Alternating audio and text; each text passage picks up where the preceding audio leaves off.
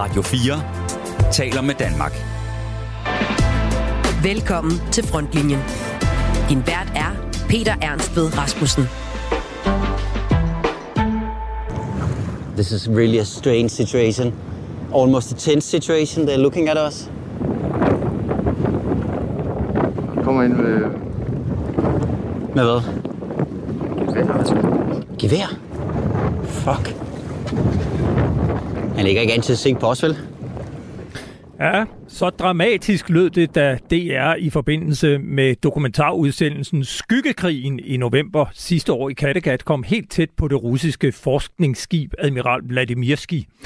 Her sejlede skibet rundt over nogle kritiske energikabler på havbunden, vel at mærke uden at have sin såkaldte AIS tændt. Det står for automatisk identifikationssystem. Da DR nærmede sig skibet, trådte en mand frem på dækket iført elefanthue og bevæbnet med en riffel. Flere eksperter peger på, at skibet næppe er noget forskningsfartøj, som det ellers er registreret som i den russiske flåde. Med overvejende sandsynlighed er der ifølge samme eksperter formentlig tale om et såkaldt spionskib, der kortlægger havvindmøller, gasrør og strømkabler. Men hvad har russiske statsskibe i det hele taget lov at foretage sig i danske farvand? Må de overhovedet sejle med slukket AIS? Og kan Danmark stille noget op, hvis skibene foretager sig andet end fredelig passage gennem de danske stræder? Det ser vi nærmere på i dag, hvor vi også skal tale om den fungerende forsvarsminister Truls Lund Poulsen. Og til slut i denne udsendelse får jeg besøg af en velkendt stemme, Emil Arnholdt Mosekær, som netop har udgivet bogen Soldaterhjerte. Her forsøger han at finde svar på, hvorfor soldater vælger at drage i krig. Din transistor står tunet ind på frontlinjen, hvorfra jeg i den næste time vil give dig en statusopdatering på den forsvars- og sikkerhedspolitiske verden. Velkommen indenfor. Radio 4 taler med Danmark.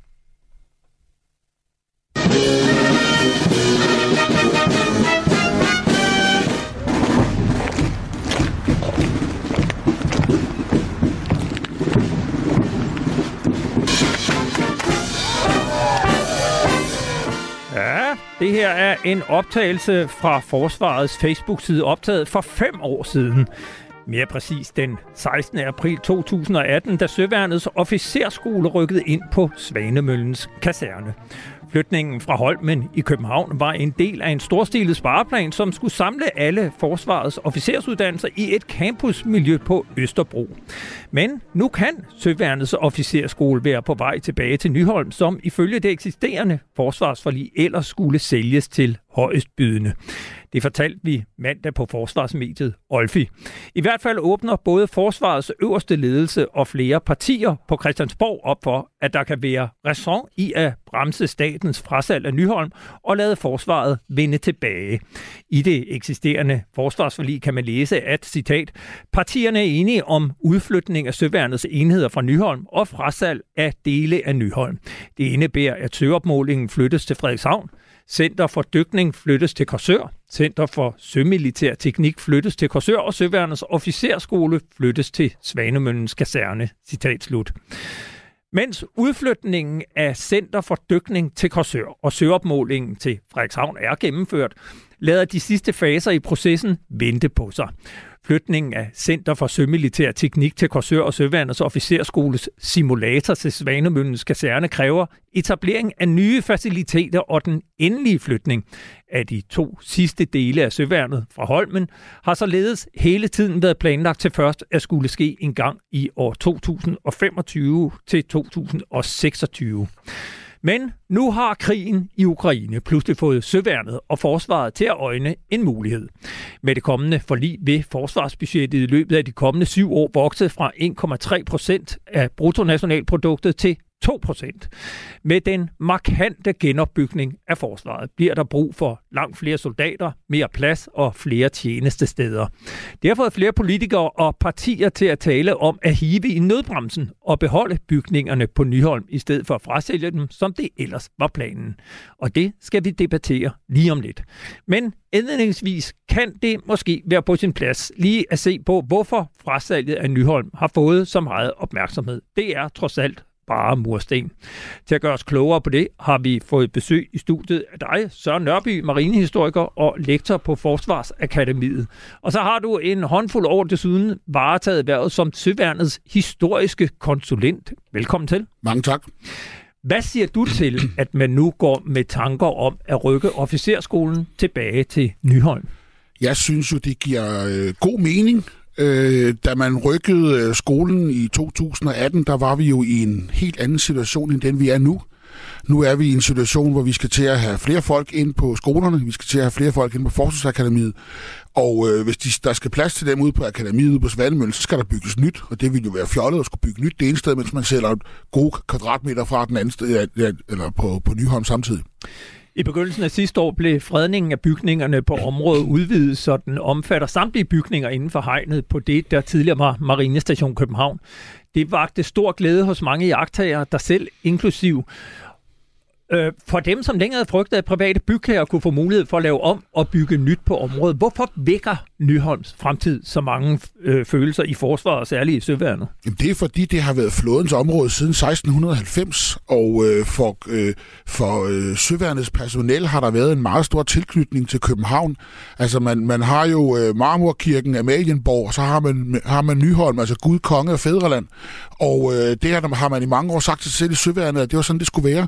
Og da man så først i 80'erne lukkede og flyttede skibene til Frederikshavn og Korsør, øh, det gjorde ondt. Og da man så ville lukke helt, jamen, øh, det gjorde endnu mere ondt. Også fordi man jo så, hvordan det gik, da man lukkede på Frederiksholm og Arsenaløen og de andre steder, hvor man solgte fra i 90'erne og 0'erne. Der blev jo der blev gået til stålet omkring de gamle fredede bygninger og lignende. Traditioner er fastholdelse, skrev du for et par dage siden på Twitter omkring netop den nyhed, vi står og diskuterer her. Hvad mener du med det? Jamen, det mener jeg, at øh, forsvaret har jo i disse år visse udfordringer med at fastholde personel. Øh, forsvaret kan ikke og skal nok heller ikke være lønførende, så derfor så bliver vi nødt til på en eller anden måde at tiltrække og fastholde folk. Og der er jeg jo en af dem, der siger, jamen altså, Søværnet har 500 års historie, og øh, det, det er jo det, der med et moderne udtryk hedder corporate identity, som nogle firmaer ude i de private jo bruger millioner af kroner på at opbygge, og vi har det øh, simpelthen øh, foræret på et sølvfad. Men jeg synes ikke, man øh, bruger det aktivt. Jeg synes, at øh, de her bygninger ude på Nyholm er jo en helt central del af flådens identitet.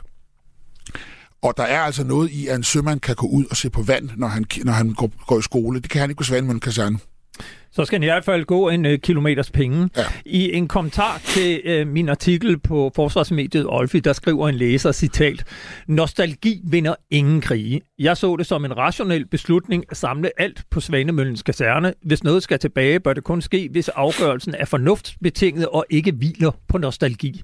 Det er indholdet og indsatsen, der er afgørende, ikke gamle bygninger. Citat slut. Har læseren ikke en pointe? Det har han jo for så vidt, hvis du står i en, dis- en diskussion, skal vi købe øh, nye inspektionsskibe til Nordatlanten, eller skal vi øh, øh, have en skole ude på Nyholm? Hvis det er så hårdt skåret op, jamen, så synes jeg jo også, at man skal købe de der skibe op til, til Nordlanden. Altså det er jo den operative del af søværnet, vi skal fokusere på. Men der er, skal jo også være nogen til at sejle de her skibe. Øh, og der, der mener jeg bare, at historien spiller en meget stor rolle. Det kan jeg også se fra de kadetter, jeg underviser ude på Søværnets Officerskole, at, at det er, historien tiltrækker en del af dem, og det en, de finder noget identitet i det. Vi står jo så i en ny og tilspidset, tilspidset sikkerhedspolitisk situation, hvor forsvaret mangler midler.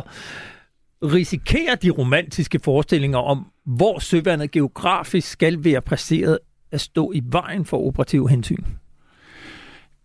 Nej, det tror jeg ikke, for jeg tror ikke, man kommer til at gå så langt ud, at man begynder at sige, så lad os øh, genoprette øh, flodstation Holmen og købe de gamle bygninger tilbage, og jeg ved ikke hvad, og, og, og genoprette Ordersværftet. Det er jo ikke der, vi er. Vi taler om en enkelt bygning, hvor man jo ved at fastholde den øh, både kan Ja, jeg mener, man kan spare nogle penge, men det er jeg ikke så ekspert på, men, altså, men, men man kan i hvert fald fastholde den her historiske forandring, forankring, undskyld, som jeg mener er øh, en central del af søværnets øh, uddannelse og fastholdelse. Altså det, jeg kan forstå, det er jo så også, at netop den her flytning af simulatoren, det kommer til at koste adskillige millioner, og hele flytningen af Center for Sømilitær Teknik kommer også til at koste, fordi man først skal have bygget de faciliteter, som de skal være i på øh, flodstation Korsør. Ja, og du skal så også flytte folk med, og det er også det, der har vist sig problematisk nogle gange, at at flytte folk ud af København har også visse udfordringer, fordi ofte så har mand eller kone jo et bedre betalt job i København, og så vil de ikke flytte med til Korsør, Karup eller hvor de nu havner. Øh, så helt kort til sidst. Hvad er fordelen ved at rykke officerskolen tilbage til Holmen? Jamen altså, fordelen er, som jeg siger, det er sådan lidt, lidt, lidt, lidt fluffy. Det er lidt, du kan ikke sætte det i et Excel-ark, men det er noget med, med noget historie og noget tradition og noget identitet, øh, som gør, at øh, vi forhåbentlig kan fastholde flere af officererne i Søværnet, for vi mangler dem. Jeg vil sige tak, fordi du kom. Du får lov at blive stående i studiet, fordi vi fortsætter debatten, så måske du har noget at byde ind med. Gerne. Radio 4 taler med Danmark. Søværnets officerskoles mulige returnering til den ikoniske gule bygning på H.C. Snedorfs Allé er kun en blandt flere muligheder for Nyholm. Og det er der heller ikke alle, der er enige i, at det er den rigtige vej at gå. Faktisk ser man helst i Københavns borgerrepræsentation, at Københavns Kommune får lov at aftage området en af de repræsentanter i borgerrepræsentationen, der er nødigt til at Nyholm igen blive inddraget til brug for forsvaret, er medlem af borgerrepræsentationen for Alternativet, Troels Christian Jacobsen, som nu har taget plads i studiet. Velkommen til. Tak skal du have. Hvorfor ligger det Alternativet, øh, jeg kan faktisk lige nævne et citat her, du skrev på Twitter i Københavns Kommune, at vi måske lidt ærgerlige, hvis det sker. Der er allerede lagt planer for plejehjem, museum og andet godt på matriklen. Det skrev du i hvert fald mandag på Twitter. Hvorfor ligger det alternativet, og i øvrigt store dele af de øvrige partier i borgerrepræsentationen, så meget på sinde at få overdraget Nyholm? Det er jo fordi, at øh, kampen om pladsen i Københavns Kommune er jo voldsom. Altså kvadratmeter, det er den altså, mest kostbare vare i byen her. Øh, og det er jo, alle vil jo have fodboldbaner, eller have plejehjem, eller have øh, plads til parkering, eller alt muligt. Og derfor er pladsen jo altså kostbar for os som kommune. Så ligger det jo også et sted, øh, som jo er, hvad skal man sige, om lidt kommer der også Refshaløen bagved i gang med byudvikling. Så der er noget omkring at der er et helt forløb der, hvor det vil være skønt, at det område også bliver en del af det.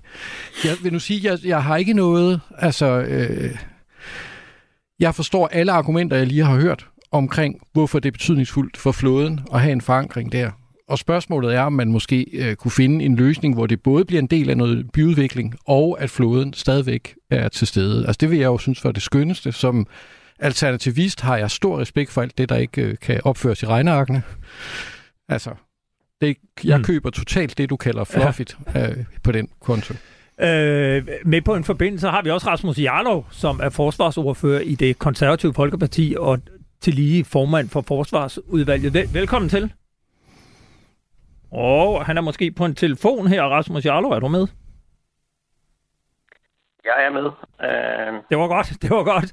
Ja. Uh, uh, I modsætning til Troels Jacobsen, uh, mener du jo, at det er en fornuftig idé at lade Søværens officerskole rykke ind i sine tidligere lokaler på Nyholm. Hvor, hvorfor? Jamen, jeg tror ikke, jeg kan sige det så meget bedre, end Søren Nørby har gjort. Det er øh, jo en mange hundredårig tradition at øh, flåden er til stede i København, og jeg synes, det er øh, rigtig ærgerligt, at det ved sidste forsvarsforlig blev vedtaget, at flåden skulle flytte ud. Men øh, man kan så glæde sig over, at forsvaret ikke har formået at implementere det, så vi nu kan starte forfra med øh, den beslutning at tage den op igen. Øhm, det er øh, noget, der hører til i København, at øh, flåden er der. Og øh, jeg synes også, ud over de kulturelle argumenter, øh, så er der jo også et spørgsmål om netop fastholdelse, fordi øh, forsvaret har ikke særlig meget i hovedstadsområdet i det hele taget. Og det, at der er tjenestesteder i København, jamen det er jo også med til at åbne rekrutteringsgrundlaget. Og øh, endelig så synes jeg faktisk også, at København har stor glæde af det. Altså det maritime præg, som det ligger på byen, at der øh, ligger krigsskibe derude, og at der er øh, folk fra søværnet, der færdes derude, jamen det gør København mere øh, levende og interessant. Og jeg vil våge at påstå faktisk også, at det gør også de omkringliggende boligområder mere værd. Altså, øh, det er spændende at bo et sted, hvor der er øh, en øh, sømilitær aktivitet.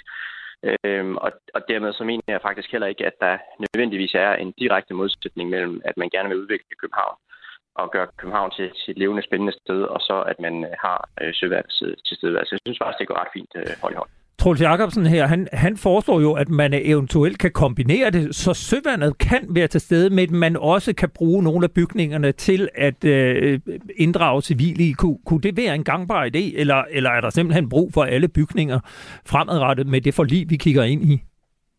Jamen, jeg, jeg tror faktisk, at det er en, øh, en, en, en farbar vej, fordi øh, det behøver ikke at være hele Nyholm, der er afsat til søvandet. Der er også nogle bygninger derude, som øh, godt kan undværes. Øh, der er også nogle bygninger derude, der faktisk ikke er særlig penge, som for min skyld godt kunne øh, bygge om til noget andet, og der kunne udmærket bo civile derude i nærheden også. Øh, så jeg, jeg tror faktisk godt, at de to ting kan fungere sammen. Det er klart, at hvis søvandet skal være derude, så er der lidt mindre, der kan laves om til boliger eller erhverv, eller hvad Københavns Kommune har tænkt sig. Øhm, men, øh, men jeg tror godt, at man kan rumme, at der både er en del af Nyholm, der bliver udviklet til civile formål, og at man samtidig bevarer øh, søværnets tilstedeværelse. Altså, det vil, det vil meget håbe i hvert fald. Så Nørby, øh, du øh, har jo i hvert fald nogle input i forhold til, hvis man vælger at lægge noget sammen, altså blande civilt og militært. Hvad er udfordringerne i det?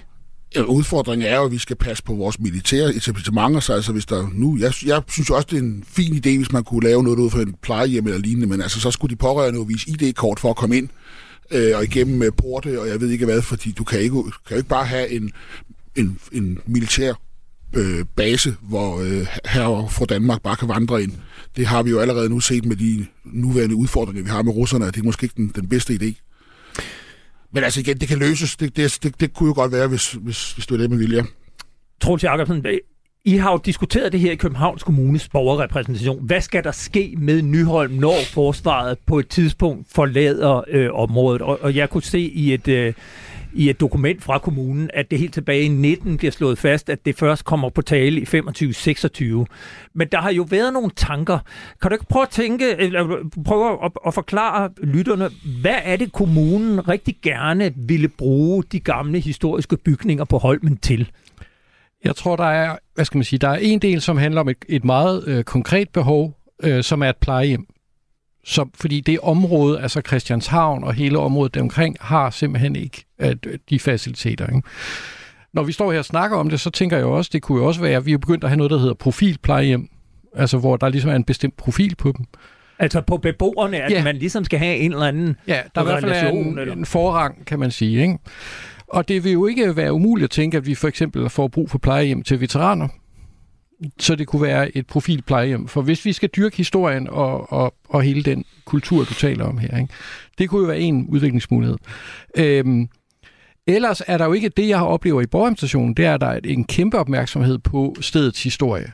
Og netop det der at få bevaret miljøet. Og derfor er der tænkt meget i kulturelle ting, altså i museum, i, altså i at det her det skal være et, et sted, der har med historien at gøre. Øh, så der har ikke været sådan en idé om, nu skal det hele bare blive til dyre boliger og sådan noget. Men der kommer det jo an på, at du sagde, lad jeg mærke til i starten, at øh, det skulle sælges til højstbydende. Og det får vi jo, hvis det er det, der kommer til at ske med grundene, så ender vi jo nemt der, hvor det bliver, at der bliver bygget noget øh, højt i glas. Øh, og, og det vil vi i hvert fald i Alternativet meget nødt se. Jeg har lige været i Hamburg og kigget på byudvikling der.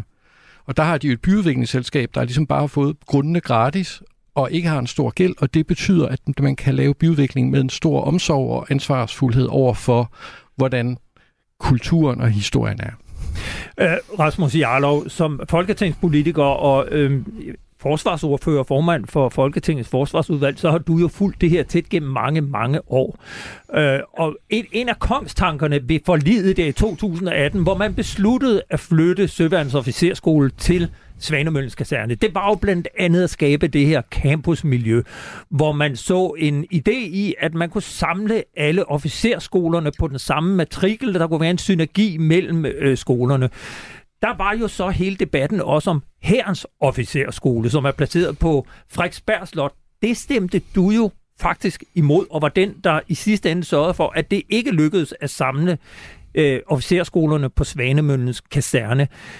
Er der slet ingen raison i, at man også kan lave sådan noget øh, samtænkt øh, undervisningsmiljø på en matrikel, eller ser du faktisk en styrkelse i, at man får det splittet ad igen? Ja, men det er der da et argument i, det, det vil jeg da godt anerkende, men jeg synes, der er tungere argumenter i, at man skal bevare ånden, kulturen, historien i øh, forsvaret. Og øh, der betyder en 400-årig tilstedeværelse på Nyholm, det betyder jo rigtig meget for korpsånden, og, og den er meget værd. Øh, det øh, er vigtigt, at øh, forsvaret ikke bare er en eller anden gold, øh, åndløs øh, organisation, men at man faktisk værner rigtig meget om, øh, hvad det er, man forsvarer. Og det er jo blandt andet øh, historie og, og, og kultur. Det er jo derfor, vi, vi gider forsvare Danmark. Og, øh, og det tror jeg altså faktisk giver noget, øh, når man skal sende folk ud, der potentielt skal ofre deres liv for deres fædreland. Jamen så øh, synes jeg faktisk netop, det er vigtigt, at man holder fast i historie og, og, og traditioner. Og derfor var det, at, at ja, konservative satte sig imod sidste gang med herrens officerskole og fik reddet den som ellers øh, helt til det sidste stod i det forlisudkast, som vi fik, men som i sidste øjeblik sagde, jamen så bliver det uden os, og så fik vi heldigvis øh, reddet officerskolen på øh, Frederiksberg, men på Nyholm, der var regnestykket øh, noget sværere, fordi øh, det var mange flere penge, som forsvaret dengang mente, man kunne spare ved at flytte øh, øh søværendsofficerskolen ud, og det kunne vi så ikke øh, skaffe opbakning til hos andre partier. Og derfor var det eneste, vi fik dengang, jamen det var, at vi fik så skrevet ind, at der skulle laves en helhedsplan for Nyholm, men det er jo så den helhedsplan, der ikke er blevet lavet nu, og det er jo derfor, vi står nu her og skal tage beslutningen op igen, fordi øh, at, at der ikke er lavet nogen helhedsplan nu, og man er ikke kommet videre med, øh, med, med udflytningen. Så, så derfor så står vi i den situation, og, og det er jo en god anledning til at lige trække vejret, og så se, om det virkelig stadigvæk giver mening, at man skal øh, flytte ud, når nu forsvaret skal være større. Jamen, øh, vi er selvfølgelig nødt til at se regnstykke på det. Vi er stadigvæk nødt til at have en konkret plan for, hvordan det skal se ud. Vi kan ikke træffe beslutninger i blinde, uden at have et oplæg til, øh, hvad der skal foretages derude. Men, men jeg synes, der er gode argumenter for, at øh, officerskolen bliver derude, og øh, at der fortsat er et maritimt præg på Nyholm. Men, men nu siger du jo så, bliver derude. Altså, øh, sagen er jo den, at officerskolen er flyttet, og, og mange vil jo mene, at, at det er øh, næsten en, en hån mod øh, de politiske beslutninger, at man først flytter den, og fem år senere øh, overvejer at, at flytte den tilbage. Hvad siger du til dem, der siger, at der er også stor fordel ved, at Svanemøllens kaserne danner ramme om øh, det campusmiljø, der trods alt stadigvæk er, dog uden herrens officerskole? Jamen, jeg, jeg siger det, som jeg, jeg sagde, at øh, jeg synes øh, jo, det er et argument, men jeg synes, der er tunge argumenter, der trækker den anden vej. Og jeg, jeg oplever ikke, altså der må, der må I jo så byde ind med jeres egen oplevelser, men min oplevelse er jo ikke, at man i Søværnet ønsker at være på Svanemøllen. Øh, øh min oplevelse er, at øh, man ønsker at være der, hvor man altid har været, øh, nemlig på Nyholm, fordi det ligger meget dybt i Søværnets kultur og i Søværnets hjerte, og, og det betyder meget for, for dem, og det betyder meget for korpsånden i, i floden.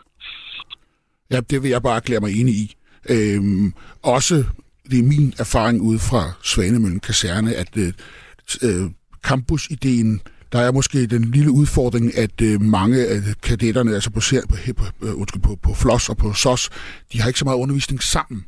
Øh, det er stadigvæk tre separate skoler, og derfor så kan man jo, efter min mening, godt flytte retur, hvis det er det, man vil. Troels øh, Jacobsen, medlem for Alternativet i Københavns borgerrepræsentation.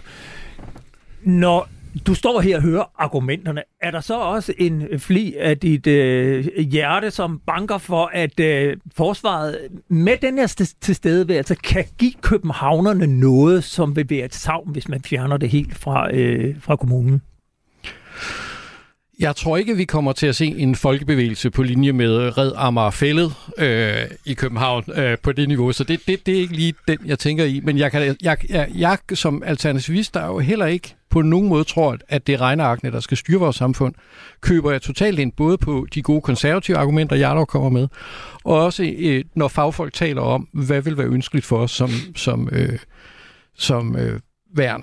Hvordan gør vi det her bedst muligt for os? Det har jeg kæmpe respekt for. Ikke? Og for mig tror jeg, jeg har ikke noget problem på den front. Problemet er det politiske ansvar. Ikke? Der er blevet truffet en beslutning, som vi har navigeret efter i Københavns Kommune, og nu vil man så omgøre den. Ikke? Og det kan være fint, og jeg er alt for at finde ud af, at man måske har truffet nogle dårlige beslutninger, og så gør dem om. Det vil jeg gerne se mere af i dansk politik. Øh, så bravo for det, hvis det faktisk er nogle bedre løsninger, man er på vej ud i. Det jeg dog vil sige, det er, så skal vi bare lige huske, at der måske lige skal være en streg i regnskabet til Københavns Kommune, altså om, at øh, staten måske skylder lidt. Fordi det er tit, at øh, det regnskab ikke kører særlig godt mellem stat og kommune. Den tager I et andet sted, er jeg sikker på. Jeg vil sige tusind tak, fordi I var med. Troels Jacobsen, øh, medlem af borgerrepræsentationen i København for Alternativet. Rasmus Jarlov, øh, forsvarsordfører i det konservative Folkeparti og formand for Folketingets forsvarsudvalg, og Søren Nørby, marinehistoriker og lektor på Forsvarsakademiet. Tak fordi I alle tre var med. tak. Tak. Du lytter til Frontlinjen på Radio 4. Vi bliver i det politiske, men bevæger os ind på den landspolitiske scene, hvor der er en stemning af stillhed før storm. Mens NATO-topmødet i juli kommer nærmere og nærmere, venter partierne på, at Forsvarsministeriet skal offentliggøre resultatet af det længe ventede kasseeftersyn, som skal afdække det økonomiske efterslæb på Forsvarsministeriets område. Så snart den rapport lander i maj, går forhandlingerne i gang med Truls Lund Poulsen for bordenden. Det rejser nu spørgsmålet, om der overhovedet er en fremtid for den sygemeldte Jakob Ellemann Jensen i Forsvarsministeriet. Det skrev jeg en analyse om på Forsvarsmediet Olfi i går, og jeg konkluderede, at det er usandsynligt, at Jakob Ellemann Jensen vender tilbage til Forsvarsministeriet på denne side af sommerferien, fordi det alene vil forstyrre og udskyde en allerede meget forsinket proces endnu mere. Men har jeg ret? Nu kan jeg byde velkommen til dig, Kasper Dahl, øh, politisk redaktør på Avisen Danmark og værtskollega her på Radio 4, hvor du bestyrer de politiske debatprogrammer Det Røde Hjørne og Det Blå Hjørne. Velkommen til. Tusind tak. Har jeg ret i min analyse, når jeg skriver, at det er urealistisk, at Jakob Ellemann Jensen vender tilbage til Forsvarsministeriet på denne side af sommerferien? Jamen, jeg kan godt lide, Peter, du har hyret mig ind som sådan en, øh, en art sensor, der nu skal vurdere, om din analyse er, er rigtig, men, men det synes jeg jo egentlig, at den er forstået på den måde, at øh, i Venstre i regeringen arbejder man jo med nogle forskellige scenarier, og det er jo selvfølgelig sådan, at hvis Jacob Ellemann han i morgen ringer og siger, at han er, er klar til at, at vende tilbage det tror jeg nu ikke, der er ret mange, der tror på, at han gør. Men hvis han nu gjorde, så øh, vil han selvfølgelig øh, kunne øh, vælge, hvor han gerne vil, vil være henad. Det har han jo retten til som øh, Venstres formand og øh, visestatsminister. Og der tror jeg da sådan set, at han ville sige, at han skulle tilbage og være forsvarsminister. Men det er jo, som du selv konkluderer, ganske usandsynligt, at han kommer tilbage på den her side af sommerferien. Det tror jeg, du har fuldstændig ret i. Og øhm, spørger man rundt omkring øh, i det politiske miljø, og i særdeleshed over i, i Venstre, jamen så er der også en fornemmelse af på nuværende tidspunkt, at hvis nu det utænkelige skulle ske, så, øh, så vil Venstre troppe op med øh, minimum to øh, forhandlere, og så vil det både være Jakob Ellemann og Truls Lund Poulsen, der vil komme til at køre de her forsvarsforhandlinger, når de engang kommer op i gear. Troels Poulsen overtog Forsvarsministeriet den 6. februar som fungerende forsvarsminister ved siden af erhvervet som økonomiminister, men allerede en måned senere sendte Venstre Region Syddanmarks formand Stefanie Lose ind som fungerende økonomiminister. Siden har Troels Poulsen rejst land og rige rundt for at blive klædt på, møde chefer og borgmestre, og han har lavet de indledende dansetrin til at rykke, når vi kender de økonomiske omstændigheder fra det her meget omtalte kasseeftersyn, som skal af afdække økonomien i Forsvarsministeriet. Når du taler med folk i det politiske miljø, hvordan har Troels Lund Poulsen klaret det som forsvarsminister indtil videre? Aldeles fremragende øh, er den meget øh, hurtige og, øh, og ærlige konklusion fra, øh, fra ganske mange.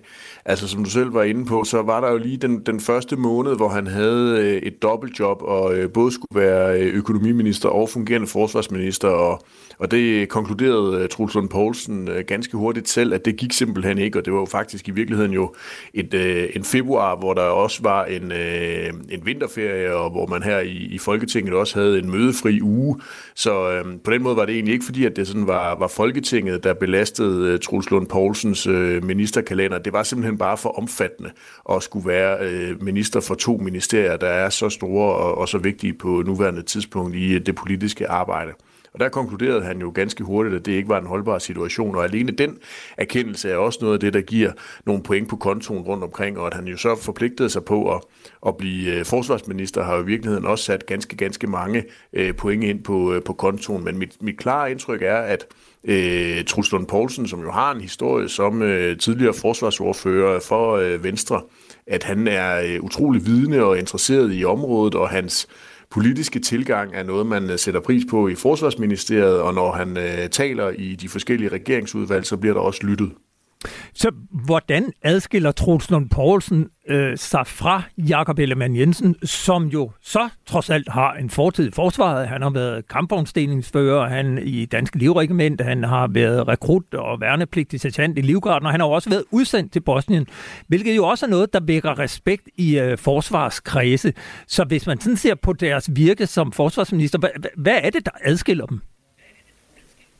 Ja, det er jo måske i virkeligheden øh, lidt øh, uretfærdigt at begynde at tale om det, øh, når det gælder Jakob Ellemann Jensen, fordi han jo kun nåede at have øh, godt fire uger i øh, posten som, øh, eller så at have posten som forsvarsminister i, i godt fire uger.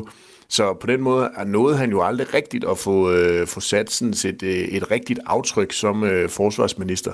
Men der er jo ingen tvivl om, at når man kigger på, øh, på den øh, historik og baggrund, de, øh, de begge har, og det man, man også taler om på Christiansborg, jamen så var øh, Jakob Ellemann jo en, øh, en forsvarsmand, der kom ind og havde, som du selv har været inde på, øh, en lang række egne oplevelser med forsvaret. Det kan Truls Lund ikke øh, prale med at have. Han har øh, nogle år som forsvarsordfører og fået viden og indsigt øh, på, på den måde.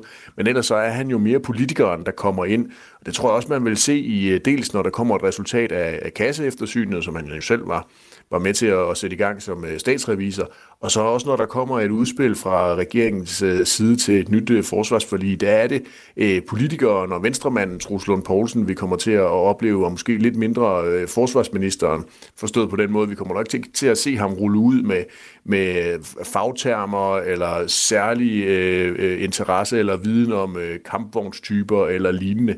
Der, der vil det være lidt op i helikopteren, han vil, øh, vil være, og det tror jeg egentlig også er, er meget fornuftigt, at man ikke har nogen, nogen politikere, der er, der er alt for meget inde i, øh, i detaljerne, når det gælder øh, den måde, man har tilrettelagt øh, forløbet på på nuværende tidspunkt, hvor man kommer til at, at lave en rammeaftale her før sommerferien, øh, en meget overordnet rammeaftale, og så først efter sommerferien går i gang med den konkrete implementering. Mm. Hvilke udfordringer stiller Troels Lund Poulsens øh, hvad kan man sige, succes i rollen som fungerende forsvarsminister Jakob Ellemann Jensen i?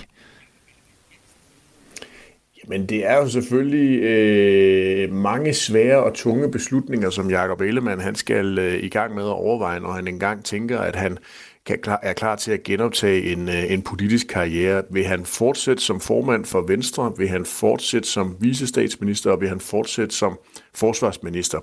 Da Venstre valgte, øh, hvilke ministerier de gerne ville have, og hvilke perso- personer og politikere, der skulle have de her ministerier, der var der jo rigtig mange i øh, Christiansborg-miljøet, som undrede sig over, hvorfor at Jakob Ellemann han øh, valgte med hjertet, som Ellemann selv sagde, nemlig at to forsvarsministeriet. Fordi der jo netop er øh, ganske, ganske meget, øh, mange politiske forhandlinger, der skal håndteres på nuværende tidspunkt. Der er ganske meget rejseaktivitet på nuværende tidspunkt på grund af øh, krigen i øh, Ukraine. Og han kunne måske have valgt en lidt lettere opgave ved at give sig selv øh, økonomiministeriet, hvor der er mindre rejseaktivitet, som er et mindre ministerium, og hvor han på den måde kunne udfylde Venstres rolle i de interne regeringsudvalg lidt tydeligere. Men der var Jacob Ellemann altså helt klar på, at han gerne ville være forsvarsminister. Så hvis Jacob Ellemann vælger at sige, at, øh, at han nu gerne vil være økonomiminister og ikke komme tilbage til forsvarsministeriet, så tror jeg i hvert fald, det bliver meget afgørende for ham, hvilken fortælling han får lavet omkring det, fordi ellers så kan det meget hurtigt se ud som om, at det er en eller anden retrætepost eller et retræteministerium, han forsøger at, at, at, at, at give sig selv, hvor der måske er øh, lidt mindre... Øh, lidt mindre, øh, et lidt mindre arbejdsbehov, end, øh, end der er over i Forsvarsministeriet på nuværende tidspunkt. Til gengæld må man så også sige, at når vi kommer på den anden side af, af sommerferien, når der er lavet den politiske rammeaftale for et forsvarsforlig for, der, for de næste 10 år, jamen så bliver det jo et mere øh, implementeringsministerium, øh, øh, Forsvarsministeriet, og så er det selvfølgelig en, øh, en anden type af politiske arbejdsopgaver, der ligger og venter der. Det kan jo sagtens være, at Jacob Ellemann han godt kan se sig selv udfylde den rolle. Jeg vil sige tusind tak til dig, Kasper Dahl, fordi du var med i frontlinjen. Velbekomme. Kasper Dahl er politisk redaktør på Avisen Danmark og vært på de politiske debatprogrammer. Du kan i øvrigt høre mere om, hvad der sker i resterne af Blå Blok, når Kasper Dahl inviterer partiformændene Inger Støjberg fra Danmarksdemokraterne og Morten Messerschmidt fra Dansk Folkeparti i Det Blå Hjørne. Det er på fredag kl. 11.05 her på Radio 4. Du lytter til Frontlinjen på Radio 4.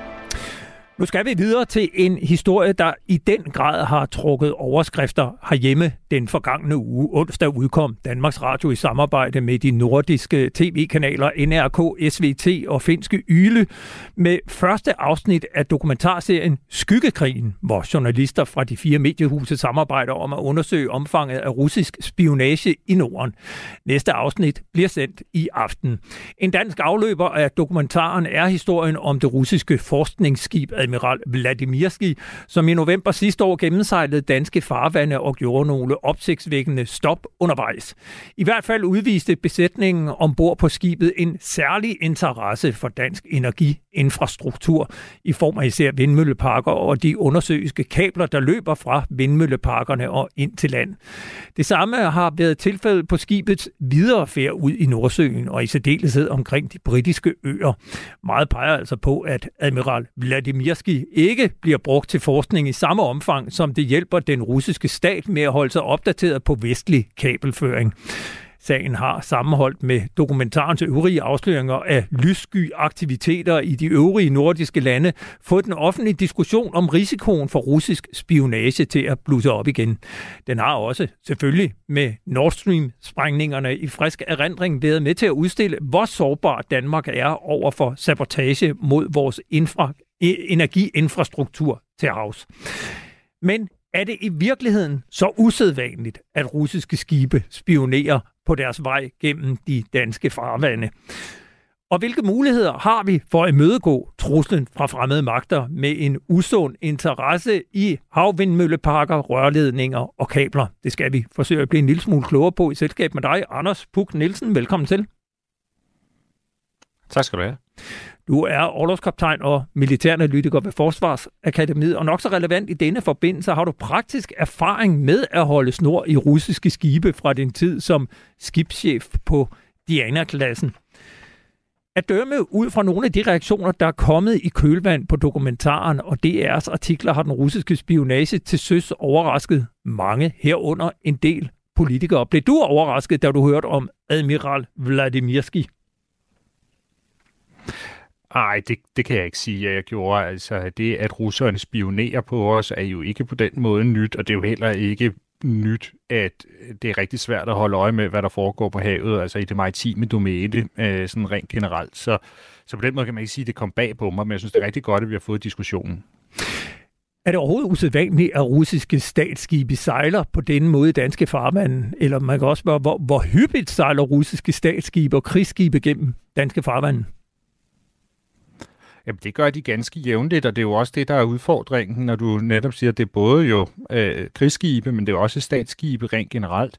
Og der har russerne jo rigtig mange forskellige øh, skibe, som mm, er ejet af, af staten, og som laver forskning, eller øh, på den ene eller anden måde er engageret i, øh, i, i noget, der foregår. Øh, altså for eksempel har de jo rigtig meget arktisk øh, øh, aktivitet, og så har de rigtig mange værfter, der ligger i, øh, i Østersøområdet, og, og det giver jo altså bare en hel masse aktivitet, sejlads ind og ud med nogle af de her skibe, hvor nogle af dem øh, helt tydeligt er øh, øh, sådan civilorienteret, og så er der andre af dem, som er meget militært orienteret, og så er der så en gråzone af de her statslige forskningsskibe, hvor man godt kan have en mistanke om, at de i hvert fald en gang imellem er engageret i sådan noget, der, der kunne blive kaldt spionage. I ser optagelserne af den bevæbnede vagt på Admiral Vladimirski har vagt opsigt, og man får ved at se klippet indtryk af, at han står der for at intimidere DR-journalister, da de kommer lidt for tæt på. Du har jo selv i en årrække været skibschef på patruljeskibene i Diana-klassen. Har du selv oplevet at se sådanne hætteklædte og bevæbnede russiske forskere, siger jeg så i gåseøjne, på dækket af nogle af de skibe, I selv har været ude at se til og eskorteret gennem danske farvande? Altså, jeg, jeg mindes ikke at have set det på øh, de her øh, lidt mere civilt orienterede forskningsskibe, øh, men, men jeg har set bevæbnede vagter på deres krigsskibe, som sejler igennem. Øh, og, og et eller andet sted så indikerer det jo også, at vi her har haft et skib, som måske ikke lige har vidst, hvordan de skulle reagere i den her situation, og så har, så har det måske alligevel været så, øh, så, så militært, det her skib, at de så bare har gjort det, som, øh, så, som de nu plejer at gøre i sådan nogle situationer. Noget andet, mange har bidt mærke i, er, at skibet sejler rundt uden den her AIS-tændt, og dermed ikke aktivt har delt oplysninger om skibets kurs og fart. Kan du ikke gøre os lidt klogere? Hvad må russiske statsskibe i forhold til at slukke denne AIS?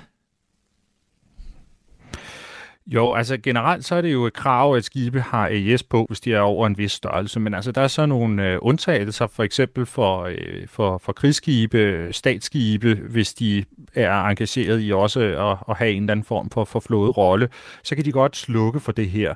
Og generelt så er den russiske praksis, vil jeg sige, det er, at øh, krigsskibene øh, altid sejler rundt uden AES på, og så er der så øh, så nogle af de her øh, forskningsskibe, de har den typisk tændt, øhm, eller også så, så, så øh, har, de, har de det tændt nogle gange. Øhm, så på den måde kan man godt sige, at det her med, at den har, øh, den har haft det slukket, det er jo noget, der så øh, også i hvert fald indikerer, at det her måske mere er over i kategorien af et øh, militært skib, end at det er et øh, fuldstændig harmløst forskningsskib. Men altså, det, de, de må godt have det slukket.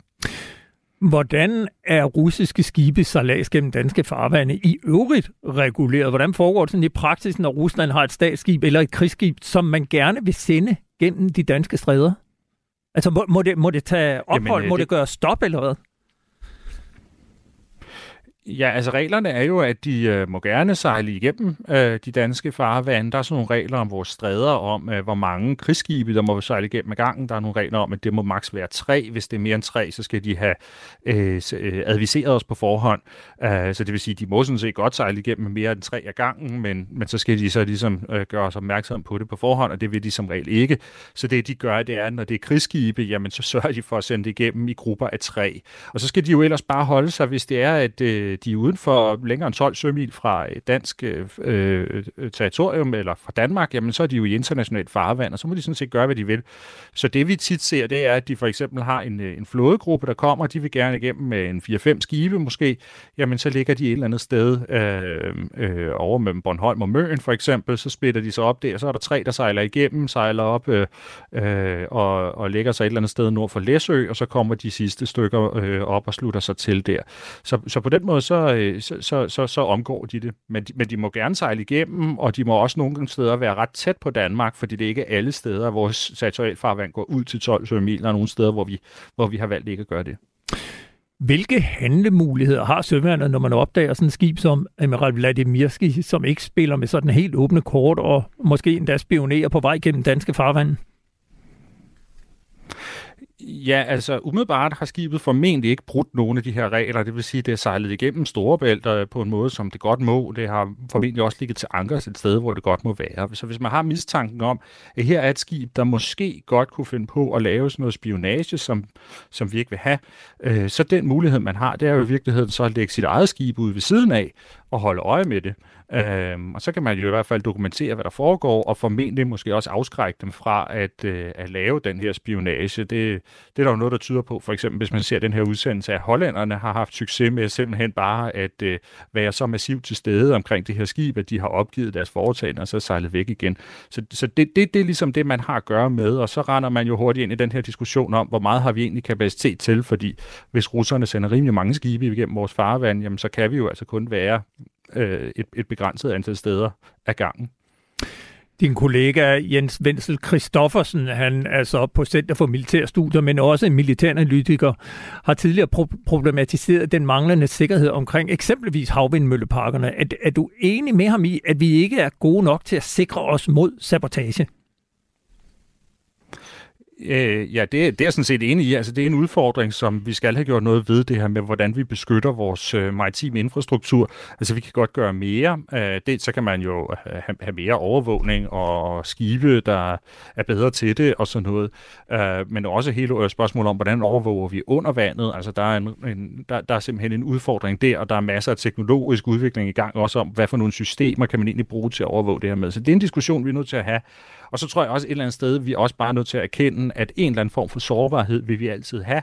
Så vi er også nødt til at tænke redundans ind i det, og tænke, hvis nu ting går i stykker, hvordan får vi hurtigt repareret det? Fordi det er jo altså en omfattende operation at for eksempel ødelægge øh, sådan en, en havvindmøllepark, og hvis det er sådan noget, vi så relativt hurtigt vil kunne få repareret igen, så kan man sige, så, øh, så, så, så er det måske ikke det værd for en, øh, en angriber at gøre det. Så, så der er flere sådan strenge, vi er nødt til at, at, at spille på der. Jeg vil sige tak, fordi du var med. Øh, Orlovskaptajn Anders Puk Nielsen, militæranalytiker på Forsvarsakademiet. Det var en fornøjelse. Velbekomme. Du lytter til Frontlinjen på Radio 4. Vi slutter udsendelsen med et kulturelt indslag. I sidste udgave, øh, i sidste uge udgav journalist, veteran og nu også forfatter Emil Arnholdt Mosekær bogen Soldaterhjerne soldater hjerte, hvis jeg dog bare kunne læse, hvad jeg selv har skrevet. Du kender måske allerede bogprojektet fra fire udgaver af Frontlinjen, som Emil Mosekær var vært på hen over sommeren sidste år. I bogen taler han med en række danske og udenlandske soldater om deres overvejelser om frivilligt at opsøge krigen og om, hvad krigen har gjort ved dem. Emil Arnholdt Mosekær er selv veteran og har to udsendelser til Afghanistan under bæltet. Og nu står du her i studiet. Velkommen indenfor. Og hvis nu jeg kan også ramme den der, så prøver vi igen. Den, ja, ja, tusind tak. Prøv, nu er du der. Ja. Jeg går passende indlede med at spørge dig, om du er kommet nærmere på et svar på, hvorfor soldater går i krig. Altså man kan sige, øh, der er jo et eller andet sted to grunde til at gå i krig. Den ene, det er den, som øh, øh, årsagen til, at ukrainerne kæmper lige nu, altså en forsvarskrig, og det, det er et eller andet sted ret let at finde ud af, fordi jeg tror ikke, der findes nogen stærkere motivation end lysten til at forsvare sit hjem og sin familie. Så den er, den er ret let for de fleste at forstå. Det, som kan være langt sværere for i hvert fald mange civile mennesker, er det der, hvorfor man frivilligt vælger at opsøge krigen, når man kunne have lavet være, øh, som danske soldater har gjort de sidste øh, årtier, og som mange andre soldater også har gjort i historiens løb. Øh, og der tror jeg, hvis man skal kigge på et moderne perspektiv, at det handler om en mangel eller en lyst til at finde noget, nogen, en, en mening, øh, en intensitet og noget fællesskab. Det er sådan meget kort fortalt. Er det overhovedet øh, Ja, man, man kan jo også vende om og sige med dig selv. Du har jo selv øh, været udsendt til, til Afghanistan to gange. Hvor, hvorfor drog du selv i krig? Jamen, det skyldes jo nok, at jeg, som jeg siger, som, som ung søgte nogle af de her ting, altså noget, noget, noget mening med, hvorfor jeg egentlig var sat på den her jord, øh, og noget intensitet. Øh, altså, det er jo ikke nogen hemmelighed, at unge mennesker, måske især unge mænd, søger en eller anden form for intensitet, altså prøve sig selv af og er en grund til, at unge mænd dør i langt højere grad af ulykker og alt muligt andet dumt, end kvinder for eksempel gør.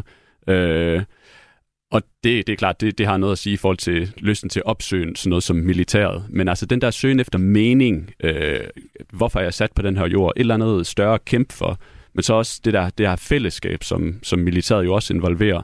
Altså den her ægte samarbejde, hvor det ikke bare er sådan noget, I skal samarbejde og arbejde sammen, fordi det skal I vi skal lave et eller andet nu her. Det er sådan set, fordi I skal lægge jeres liv i hinandens hænder. Altså, I har brug for hinanden, ellers dør vi alle sammen. Jamen, og, og, og, og hvordan adskiller det sig, når man er i en regulær krig, som i Afghanistan, modsat når man bare øver på en kaserne og aftjener sin værnepligt, eller måske bliver konstabler og bare i gåserne bare er hjemme i Danmark og på øvelser?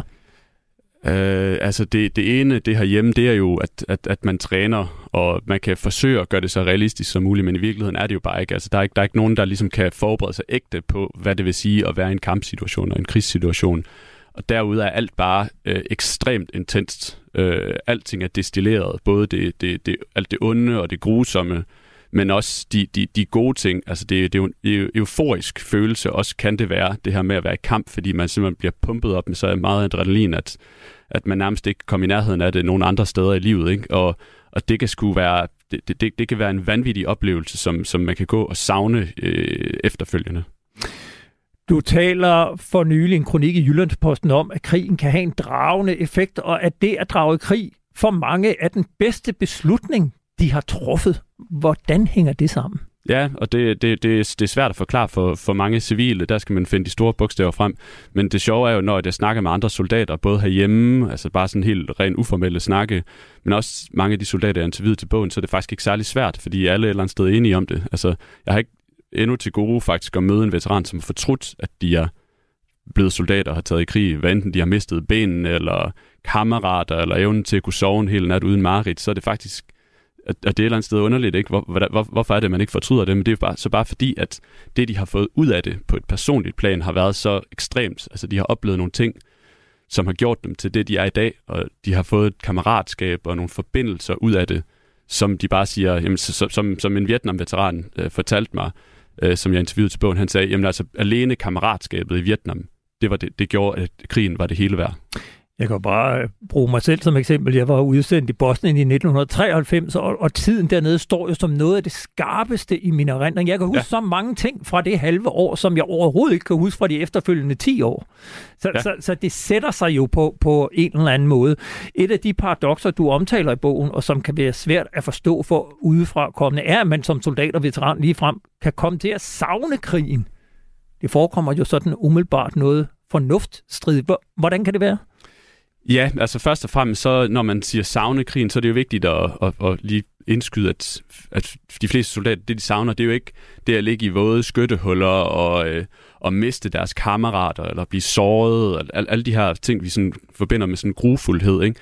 Det er den her følelse af intensitet, øh, mening, og det her meget, meget tætte kammeratskab. Altså i en soldatergruppe, der er man afhængig af hinanden, man lægger sit liv i hinandens hænder, og, øh, og man ved, at en side, man vil ofre livet for en, og man vil gøre det samme for dem, uanset om man så rent faktisk bryder sig om hinanden på det personlige plan. Og det er jo det, det er meget, meget øh, fascinerende at være en del af. Og så kommer man hjem igen til et samfund, hvor man kan et eller andet sted, man aner ikke, hvor hører man egentlig til. Man kan sætte sig på en bænk og kigge ud i luften hele dagen, og er der overhovedet nogen, der lægger mærke til, at jeg sidder her? Øh, og hvis man så især har svært i, ved at finde sig til rette i livet herhjemme, så er det meget let at kigge tilbage på sidste gang, man ligesom følte, at man rent faktisk var stolt af sig selv, og følte, at man havde en mening med sin tilværelse. Og, det, og så sidder man lige pludselig og savner at være i krig. Ikke? Og det er, det er igen sådan noget, som, som er ret udbredt blandt soldater, men som man tit ikke taler med civile om, fordi de tænker, at det må være, fordi du er psykopat eller eller andet. Jo. Ja, altså, altså i virkeligheden noget helt lavpraktisk på den måde. Man bliver serviceret. Man går bare ned og spiser morgenmad, ja, frokost, ja, aftensmad. Man afleverer ja. sit tøj, der bliver vasket, ja. og man får, hvis der er noget... Altså, det, det er jo et eller andet sted også med til at gøre det dejligt nemt at være i krig. Man skal ikke tage sig af alle de her komplicerede ting, som det indebærer at være samfundsborger i et moderne samfund. Det er sådan set simpelt øh, ja. at være i krig. Selvom det kan være grofuldt, så kan det være meget, meget simpelt. Hvordan har du så grebet arbejdet med bogen an? Altså, hvordan fandt du frem til de soldater og veteraner, der optræder i bogen?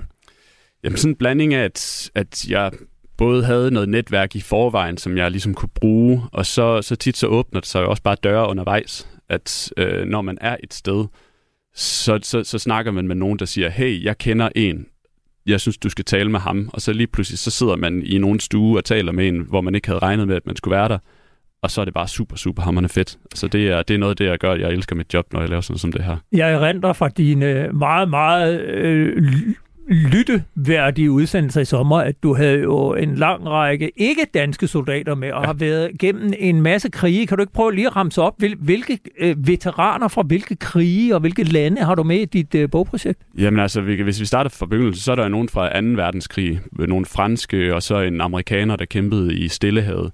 Så er der sådan nogle krige som Indokina, Algeriet, øh, Vietnam, Falklandskrigen, øh, Nordirland, øh, Balkan, Irak, Afghanistan, Ukraine. Du har, du har været vidt omkring? Ja, det må man sige, ja. ja. Og, og, og har du været ude og rejst ud for at møde dem? Ja, det, gjorde, det, var, det var meget vigtigt for mig, at det ikke bare blev sådan nogle Zoom-interviews, at jeg rent faktisk satte mig over for dem, fordi at det kan godt være, at det er sværere og dyrere, men det er også det, der giver det klart bedst. Altså den der forbindelse, man føler til et andet menneske, når to veteraner, de møder hinanden og får den her umiddelbare forbindelse med hinanden, som og, og de civile omkring en ikke forstår det.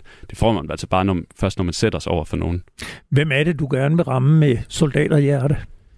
Jamen det er sådan set, øh, altså først og fremmest, så er det selvfølgelig civile mennesker, som, som, jeg gerne, som jeg håber lærer noget om, om det, her, det her mystiske fællesskab. Måske især hvis de har familiemedlemmer eller venner, der er veteraner. At de ligesom får et indblik i den her, den her verden, som de måske ikke forstår. Og så er det selvfølgelig de andre veteraner. Jeg vil, jeg vil godt, at de, de får den følelse, som jeg også selv har haft, når jeg har siddet over for de her mennesker. Altså den her følelse af at høre til og fællesskab, og et fællesskab, som rækker ud over øh, ens egne grænser, altså ud over hele verden, så at sige. Ikke? Og det, det er sgu meget det er fedt, og især måske for dem, som har det svært, at de føler, okay, vi er faktisk, vi, vi er ikke alene, vi er faktisk en hel masse derude.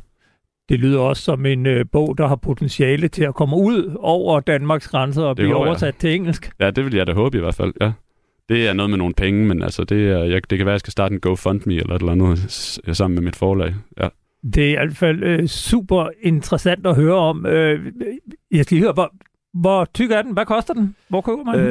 Øh, hvor tyk er det? Den er, den er, ikke, den er ikke så frygtelig tyk. Øh, den er, øh, det er sådan noget øh, 200-300 sider, og det samme prismæssigt er sådan noget 250-300 kroner. Og den kan fås i boghandler, lydbog og e-bog.